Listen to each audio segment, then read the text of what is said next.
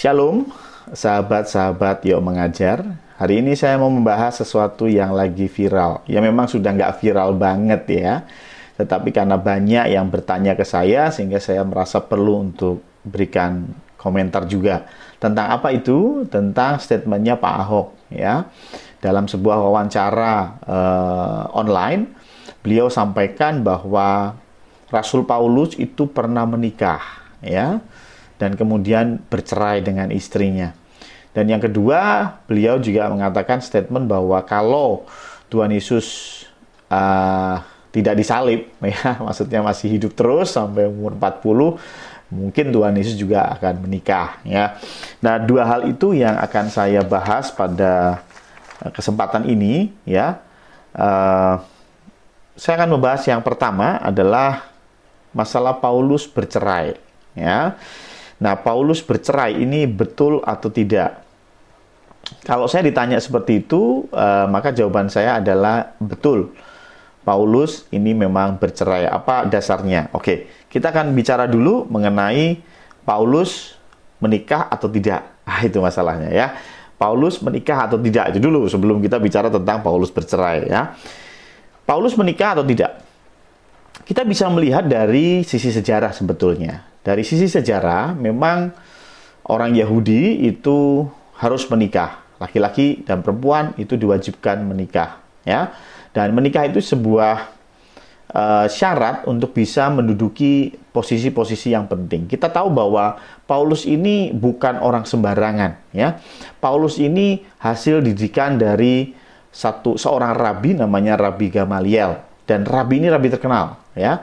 Bagaimana saya tahu ini rabi terkenal? Karena hmm, sesuatu yang ditulis ya, namanya bahkan ditulis di dalam sebuah kitab, tentunya ini dikenal oleh pembacanya gitu ya. Saya kasih contoh begitu ya. Kalau saya bilang begini, saya ini adalah murid dari Joko Susilo. Uh, semua akan bertanya-tanya ya Uh, terus kenapa?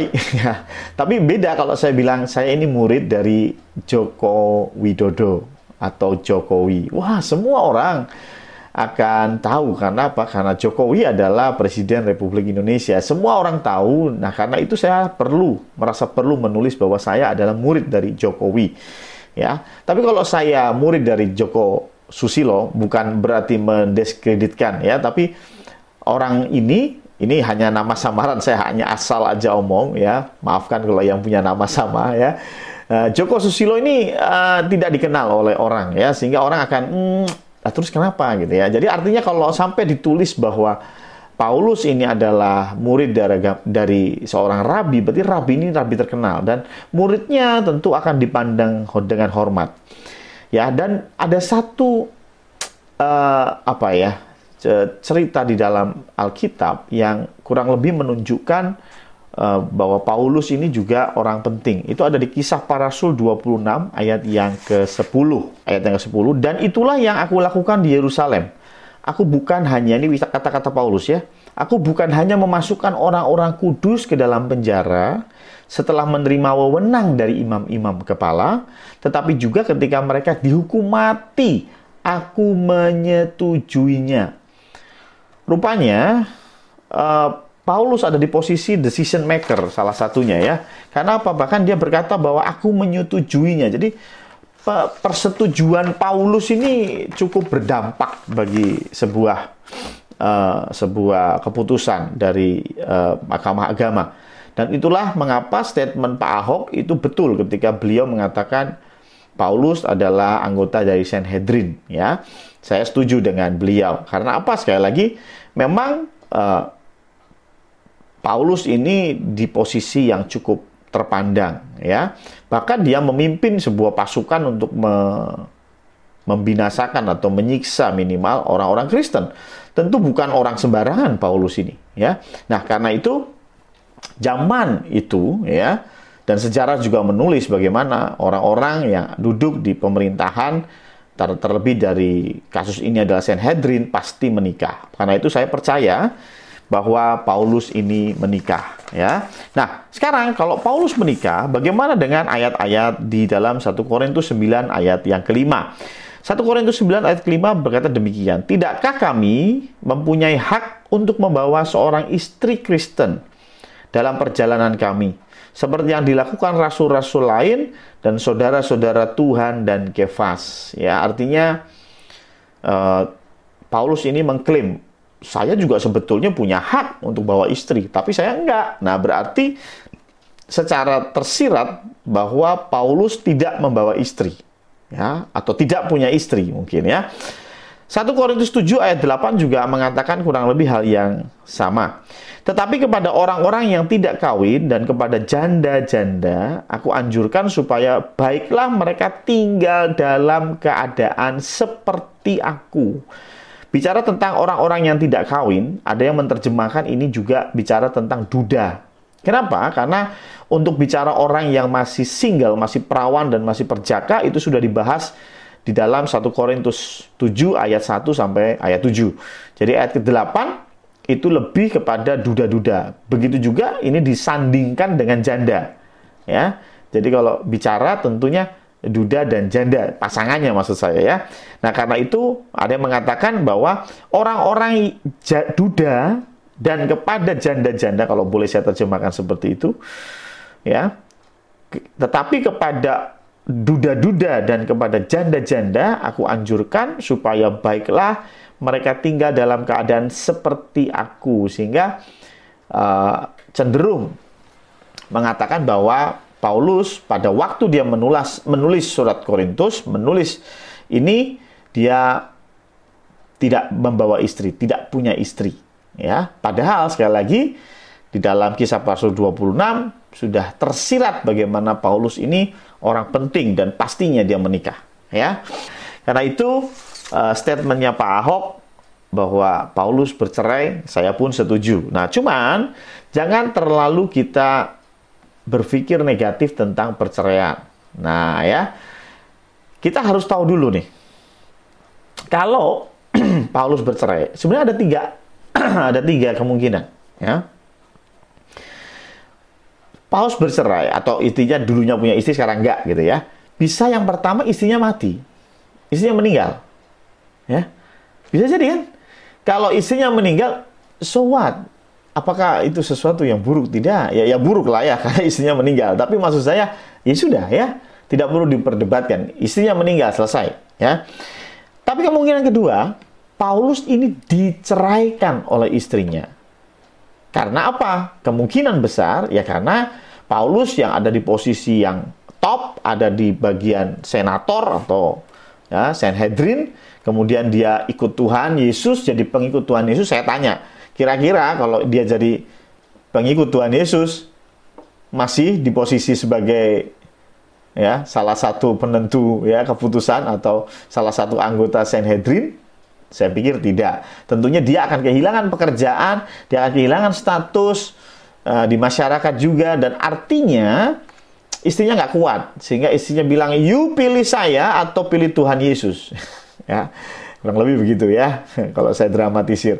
Dan Paulus memilih Tuhan Yesus, karena itu istrinya menceraikan Paulus. Nah, kalau istrinya Paulus yang menceraikan Paulus, sebetulnya ini bukan hal yang negatif kalau buat saya. Ini hal yang positif. Bayangkan, Paulus rela kehilangan segalanya untuk Tuhan. Bagaimana dengan Anda? Ya. Paulus rela kehilangan istri dan anak-anak demi ikut Tuhan, demi penginjilan. Ya. Jadi tidak ada yang salah kalau Paulus ini diceraikan istrinya. Terlebih lagi, ini bicara diceraikan. Kita memang tidak boleh memukul, tapi bagaimana kalau dipukul? Ya. Kita tidak boleh membohongi, tapi bagaimana kalau kita dibohongi? Ini beda cerita. Ya. Kita nggak boleh menceraikan. Beberapa orang setuju itu. Bagaimana kalau kita diceraikan? Itu beda cerita. Ya. Menceraikan dan diceraikan itu beda.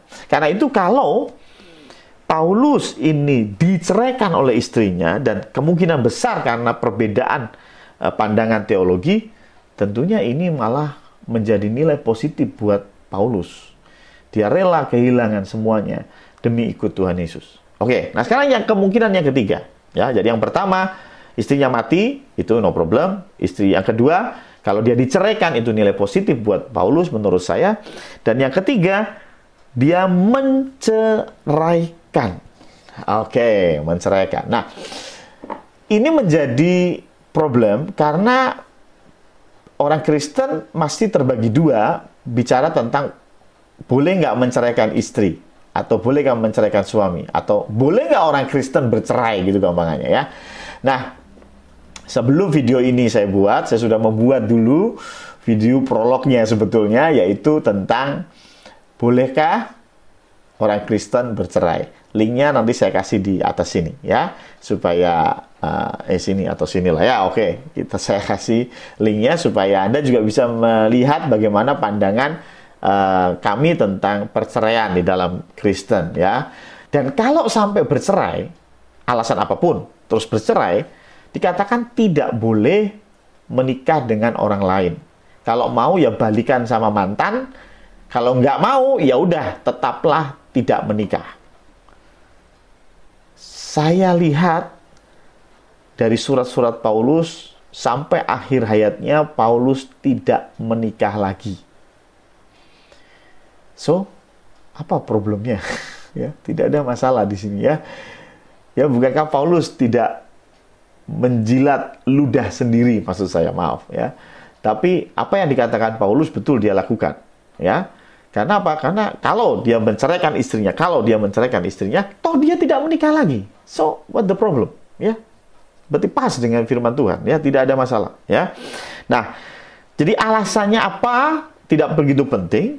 Tetapi dia tidak menikah lagi itu sudah sesuai dengan apa yang firman Tuhan sampaikan. Ya, karena itu sekali lagi dia menceraikan itu tidak tidak sesuatu yang otomatis salah. Nah, sekarang kalau dia menceraikan, oke. Okay. Sekarang menceraikannya kapan? Ini, ini juga perlu dibahas ya. Ada tiga kemungkinan kalau Paulus menceraikan. Satu, dia menceraikan sebelum ikut Tuhan Yesus. Ya, sebelum ikut Tuhan Yesus, dia menceraikan istrinya dulu, kemudian baru dipanggil oleh Tuhan Yesus dan menjadi rasulnya. Bagaimana kalau dia menceraikan istrinya sebelum ikut Tuhan Yesus? Saya mau bilang, ya itu bagian dari masa lalu. Ya, bagian dari masa lalu. Dan Paulus sudah mengerti itu salah, dan kemudian dia membayarnya dengan apa? Dengan tidak menikah lagi. So, ya, bukankah kita semua punya masa lalu? Anda pun tidak sebaik sekarang pada 10-20 tahun yang lalu. Saya pun 20 tahun yang lalu tidak seperti saat ini ya. Tentunya berbeda sekali. Orang-orang yang sudah diubahkan oleh Tuhan tentunya berbeda dengan manusia lamanya. Karena itu jangan merasa ini sesuatu yang salah. Maksud saya begitu. Oke, katakanlah Paulus menceraikan istrinya dan bukan karena persinahan. Ya itu bagian dari masa lalu. Kalau memang dia menceraikannya sebelum ikut Tuhan. Ya. Nah sekarang, kalau dia menceraikannya saat ikut Tuhan. Tentu ini bicara tentang perbedaan pandangan. Artinya bukan bercerai karena zina. Ya. Paulus bercerai karena Paulus ikut Tuhan dan istrinya tidak mau ikut percaya. Kemudian Paulus tinggalkan istrinya, dia ceraikan istrinya. Bagaimana dengan itu? Ya. Itu pun tidak melanggar buat saya. Kenapa? Karena dikatakan bahwa Paulus tidak menikah lagi. Ya, sesuai dengan apa komitmen dia. Oke, saya tinggalkan kamu, istrinya ditinggalkan dan dia tidak menikah lagi sampai selesai. Dia fokus kepada pelayanan Tuhan. Yang ketiga, kalau Paulus ini sudah ikut Tuhan lama, dia sudah bertahun-tahun ikut Tuhan, bahkan sudah jadi rasul, tapi kemudian dia menceraikan istrinya, terlepas dari alasan menceraikan apa saja. Wah, itu bukankah sesuatu yang buruk? Nah, ini yang yang kita harus pahami bahwa ikut Tuhan tidak serta-merta membuat kita menjadi malaikat. Ya. Menerima Kristus tidak serta-merta membuat engkau akan anti terhadap dosa. Nggak akan mungkin berbuat dosa. Enggak juga. Ya. Ini yang kadang-kadang membuat kita salah. Ketika kita melihat seorang pendeta besar, katakanlah, dia kemudian jatuh di dalam satu kelemahan, kita langsung menjudgment dia dengan segala macam ya kata-kata umpatan, tapi jangan salah ya. Karena apa? Karena lo kita kan masih manusia, ya. Pendeta besar, pemimpin itu juga manusia. Kalaupun dia jatuh, bahkan firman Tuhan bilang kalau jatuh tidak sampai tergeletak. Artinya ya jatuh tapi diingatkan Tuhan dia mau balik lagi, ya itu nggak apa-apa. Ya, saya kasih contoh. Raja Daud. Raja Daud tuh kurang apa sih dekatnya sama Tuhan? Raja Daud tuh kurang apa sih melihat mujizat Tuhan? Raja Daud itu dibangga-banggakan bahkan oleh Tuhan sendiri. Bahkan yang namanya Mesias itu disebut dengan tunas Daud, anak Daud. Coba bayangin. Daud begitu luar biasa. Tapi coba kita lihat rekam jejak Daud. Daud bahkan lebih parah dari Paulus kalau memang Paulus menceraikan istrinya ya. Daud bahkan ambil istri orang dan suaminya istri itu, suaminya perempuan itu dia bunuh. Ya, padahal laki-laki itu namanya Uria itu orang yang sangat loyal kepada Daud. Ini bisa dibaca kisahnya di dalam Alkitab.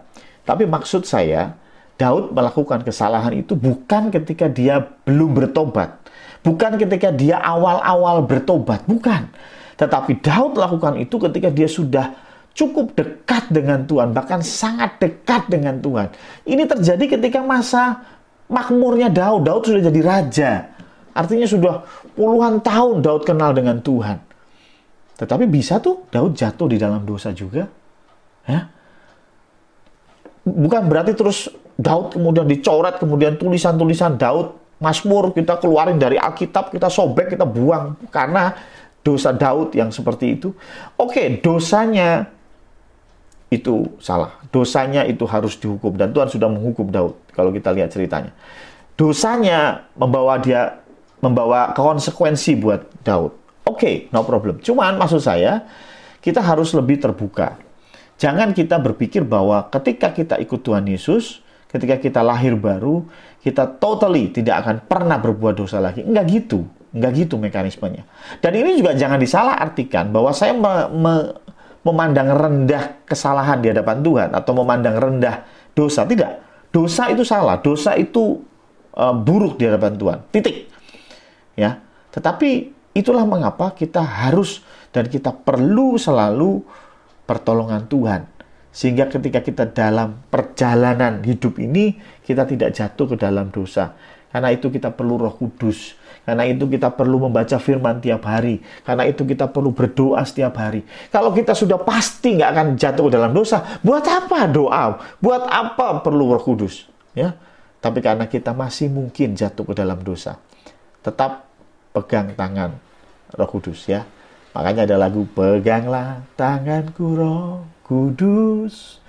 Bukan setiap bulan tetapi setiap hari ya. Jadi sekali lagi Paulus katakanlah sampai Paulus itu dia menceraikan istrinya dan dia menceraikannya juga sesudah ikut Tuhan. Waduh itu kebangetan. Tapi buat saya itulah manusia. Dan karena itu firman Tuhan bilang jangan berharap kepada manusia. Tapi berharaplah kepada Tuhan. Satu-satunya manusia yang tidak berdosa hanya Tuhan Yesus Kristus. Ketika dia bereinkarnasi menjadi manusia selama 33 setengah tahun. Tapi selain itu, semua manusia telah jatuh ke dalam dosa dan sudah kehilangan kemuliaannya. Entah itu sesudah menerima Kristus atau sebelum menerima Kristus. Kita semua orang yang bersalah di hadapan Tuhan. Itulah mengapa kita perlu penebus. Kita perlu roh kudus. Itu jawaban saya untuk kasus Paulus. Sekarang kita menginjak kepada uh, per, kasus yang kedua ya, yaitu Tuhan Yesus menikah kalau dia usianya 40. Saya memandang ini hal yang yang saya pikir uh, Pak Ahok ya sedikit hanya menganalogikan. Beliau tidak bermaksud uh, bahwa Tuhan Yesus itu datang untuk menikah. Tidak ya. Hanya ini menggambarkan untuk menggambarkan situasi pada zaman itu yang mengharuskan seorang pria menikah. Ya, sehingga mungkin kalau uh, apa namanya uh, Tuhan Yesus ini usia sampai 40 tahun, kemungkinan Tuhan Yesus juga menikah gitu ya. Contohnya seperti ini hanya apa ya? Satu statement yang berandai-andai. Jangan dianggap serius buat saya sih tidak perlu dianggap serius. Tapi saya perlu menanggapinya karena saya juga nggak setuju sih kalau Tuhan Yesus menikah ya.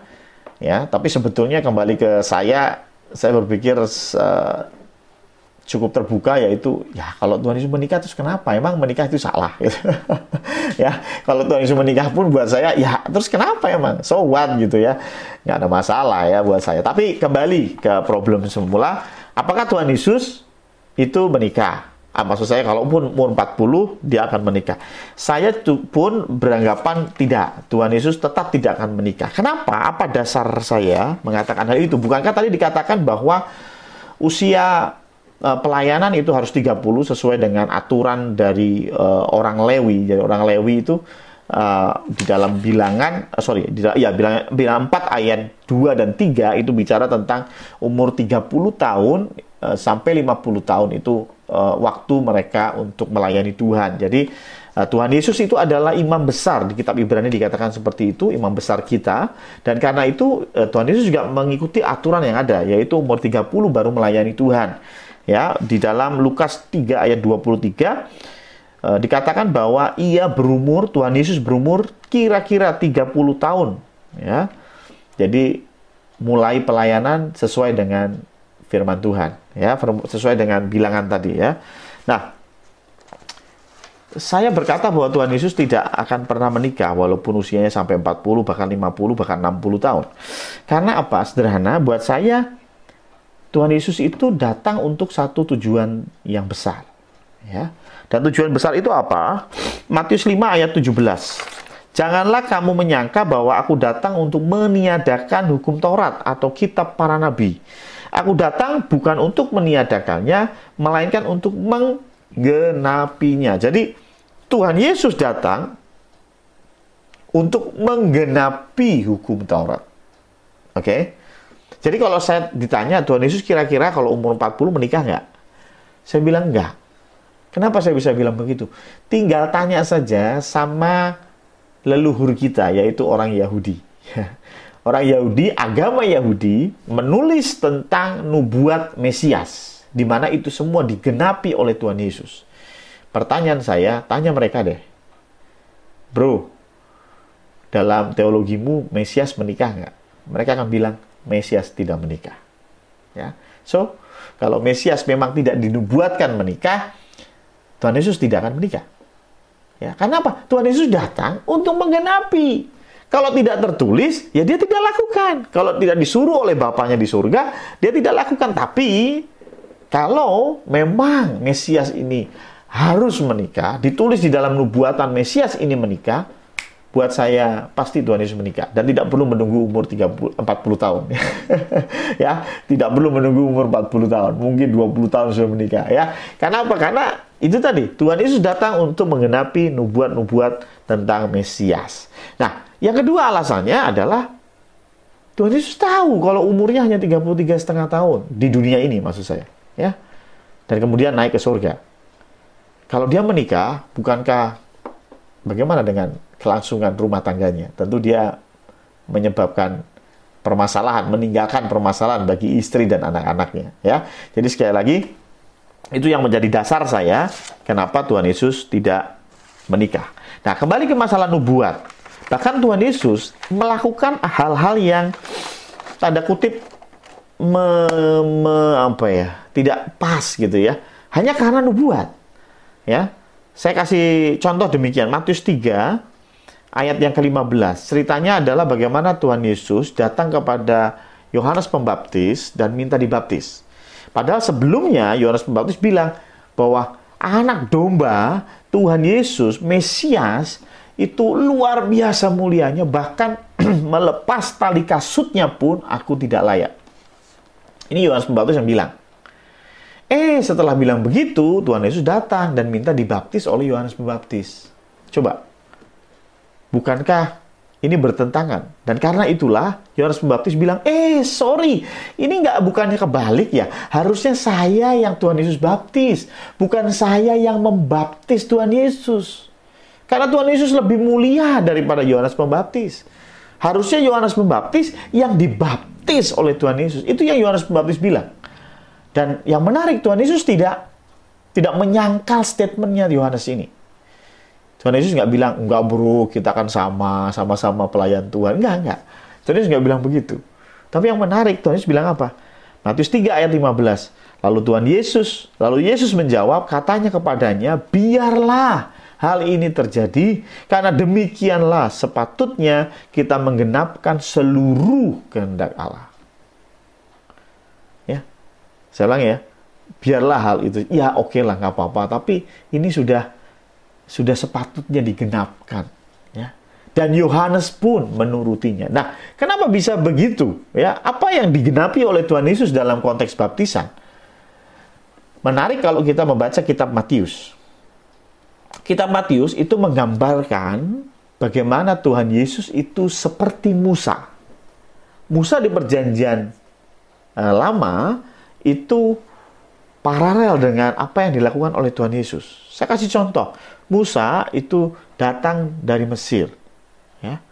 Begitu juga Matius mengatakan bahwa Tuhan Yesus itu dari dari Mesir kupanggil anakku ya. Kemudian setelah itu Musa melewati laut Tebrau. Ya, menyeberangi laut Tebrau. Ini bicara tentang baptisan, ya. Karena itu Tuhan Yesus baptis. Ya, harus dibaptis oleh Yohanes Pembaptis. Kalau enggak, enggak cocok dengan Musa. Maksudnya begitu.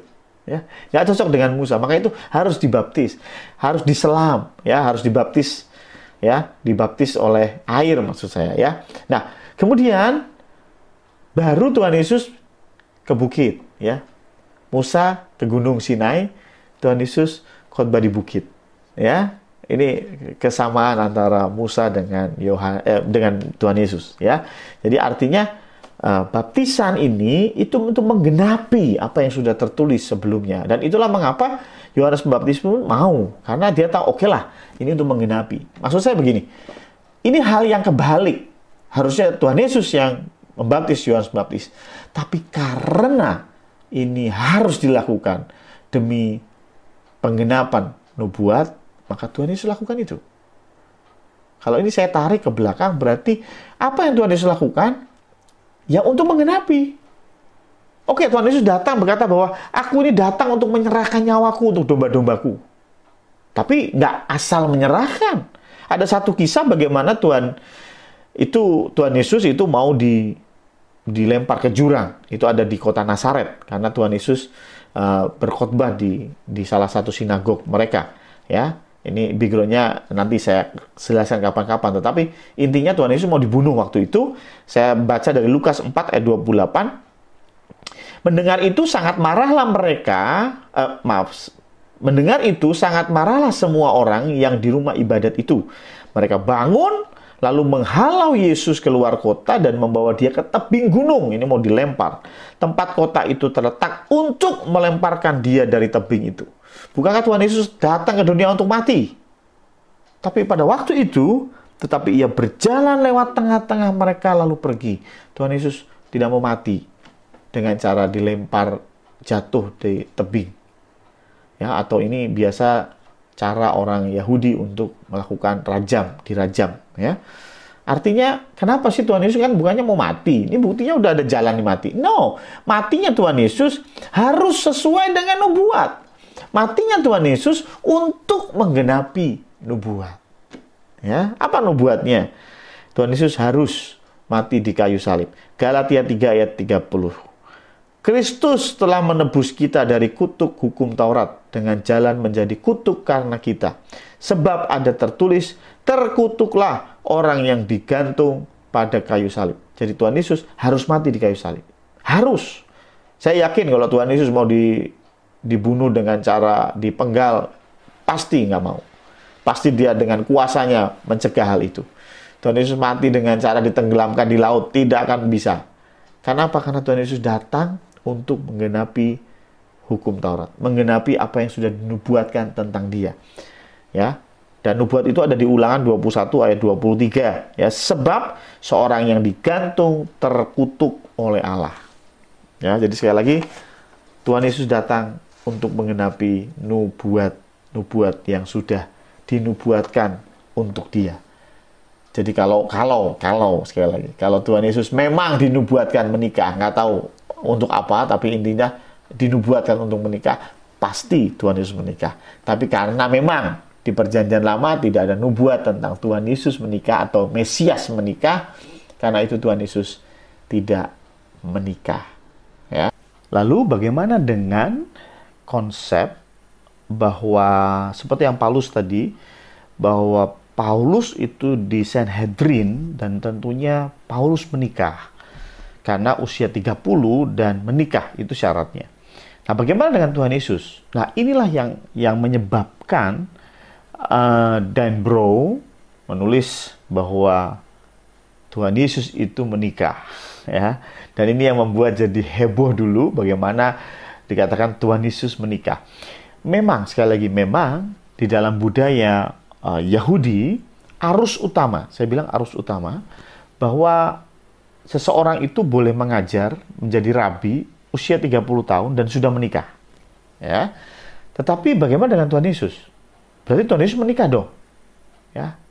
Nah, kalau Tuhan Yesus menikah kok nggak ada istrinya? Apakah Tuhan Yesus bercerai juga seperti Paulus ya? Tentu tidak. Tetapi ini berbicara tentang uh, tidak semua sekte atau aliran Yahudi itu menerapkan tentang menikah ya dulu sebelum melakukan uh, pelayanan. Tidak semuanya. Arus utama ya, tetapi tidak semuanya. Contoh saja, kalau kita bicara tentang uh, pendeta itu tidak boleh menikah, ya memang ada pemimpin agama umat Katolik, contohnya Romo tidak menikah. Tapi kalau pendeta uh, Protestan boleh menikah, ya. Kalau Yunani Ortodoks boleh menikah, ya. Jadi artinya tergantung sekte mana. Nah, hal yang sama juga ada di dalam uh, budaya Yahudi pada waktu itu. Tergantung di di sekte yang mana. Memang di arus utama yaitu di Yerusalem memang betul, memang betul. Di Yerusalem banyak seperti itu. Tetapi kalau hmm, kita lihat sejarah di dekat Yerusalem ya di Yerusalem uh, dekatnya itu daerah ke arah barat, eh sorry ke arah timur, itu kita akan ketemu yang namanya Laut Mati dan di Laut Mati itu ditemukan sebuah penggalian arkeolog bisa cek di Google, yaitu namanya Dead Sea Scroll. Ya, dan di Dead Sea Scroll itu yang menulis adalah para rabi Yahudi, mereka mengcopy atau menduplikat kitab suci. Dan yang menarik, sekte ini bahkan mewajibkan mewajibkan para anggotanya untuk selibat alias tidak menikah. Jadi tidak boleh menikah, bukan harus menikah, tetapi kebalikannya tidak boleh menikah, ya. Dan ini tertulis di sejarah, ya. Bayangkan Yerusalem ya hanya sekitar 20-30 km di dekat Yerusalem ada sekte yang bahkan tidak boleh menikah. Ya, sedangkan Tuhan Yesus ini pelayannya di mana sih? Tuhan Yesus melayani di Galilea. Galilea itu mungkin sekitar 120 km jauhnya dari Yerusalem. Dan gak heran, gak heran kalau di Galilea ada beberapa juga yang menerapkan hal yang sama, yaitu tidak harus menikah dulu sebelum melakukan uh, pelayanan. Jadi sekali lagi Tuhan Yesus tidak menikah ya, tidak menikah ya. Dan sekali lagi, jangan terlalu serius menanggapi statement Pak Ahok bahwa Tuhan Yesus pun kalau 40 tahun dia akan menikah. Ya, saya tidak setuju memang, tapi jangan terlalu dipikir serius. Ini hanya menggambarkan Pak Ahok hanya menggambarkan bagaimana kondisi saat itu yang mengharuskan ya orang itu untuk menikah. Ya, ini jawaban saya. Semoga menambah Eh, cuitan-cuitan yang ada di YouTube ya tanggapan-tanggapan mengenai Pak Ahok ya dan jangan lupa kalau anda belum subscribe bunyikan lonceng sehingga uh, kita bisa uh, memberitahu atau anda bisa tahu kalau kita memposting video-video uh, baru dan juga komen ya kalau anda merasa ada sesuatu yang perlu disampaikan supaya kami juga bisa menjawab ya Sekali lagi terima kasih. Tuhan memberkati.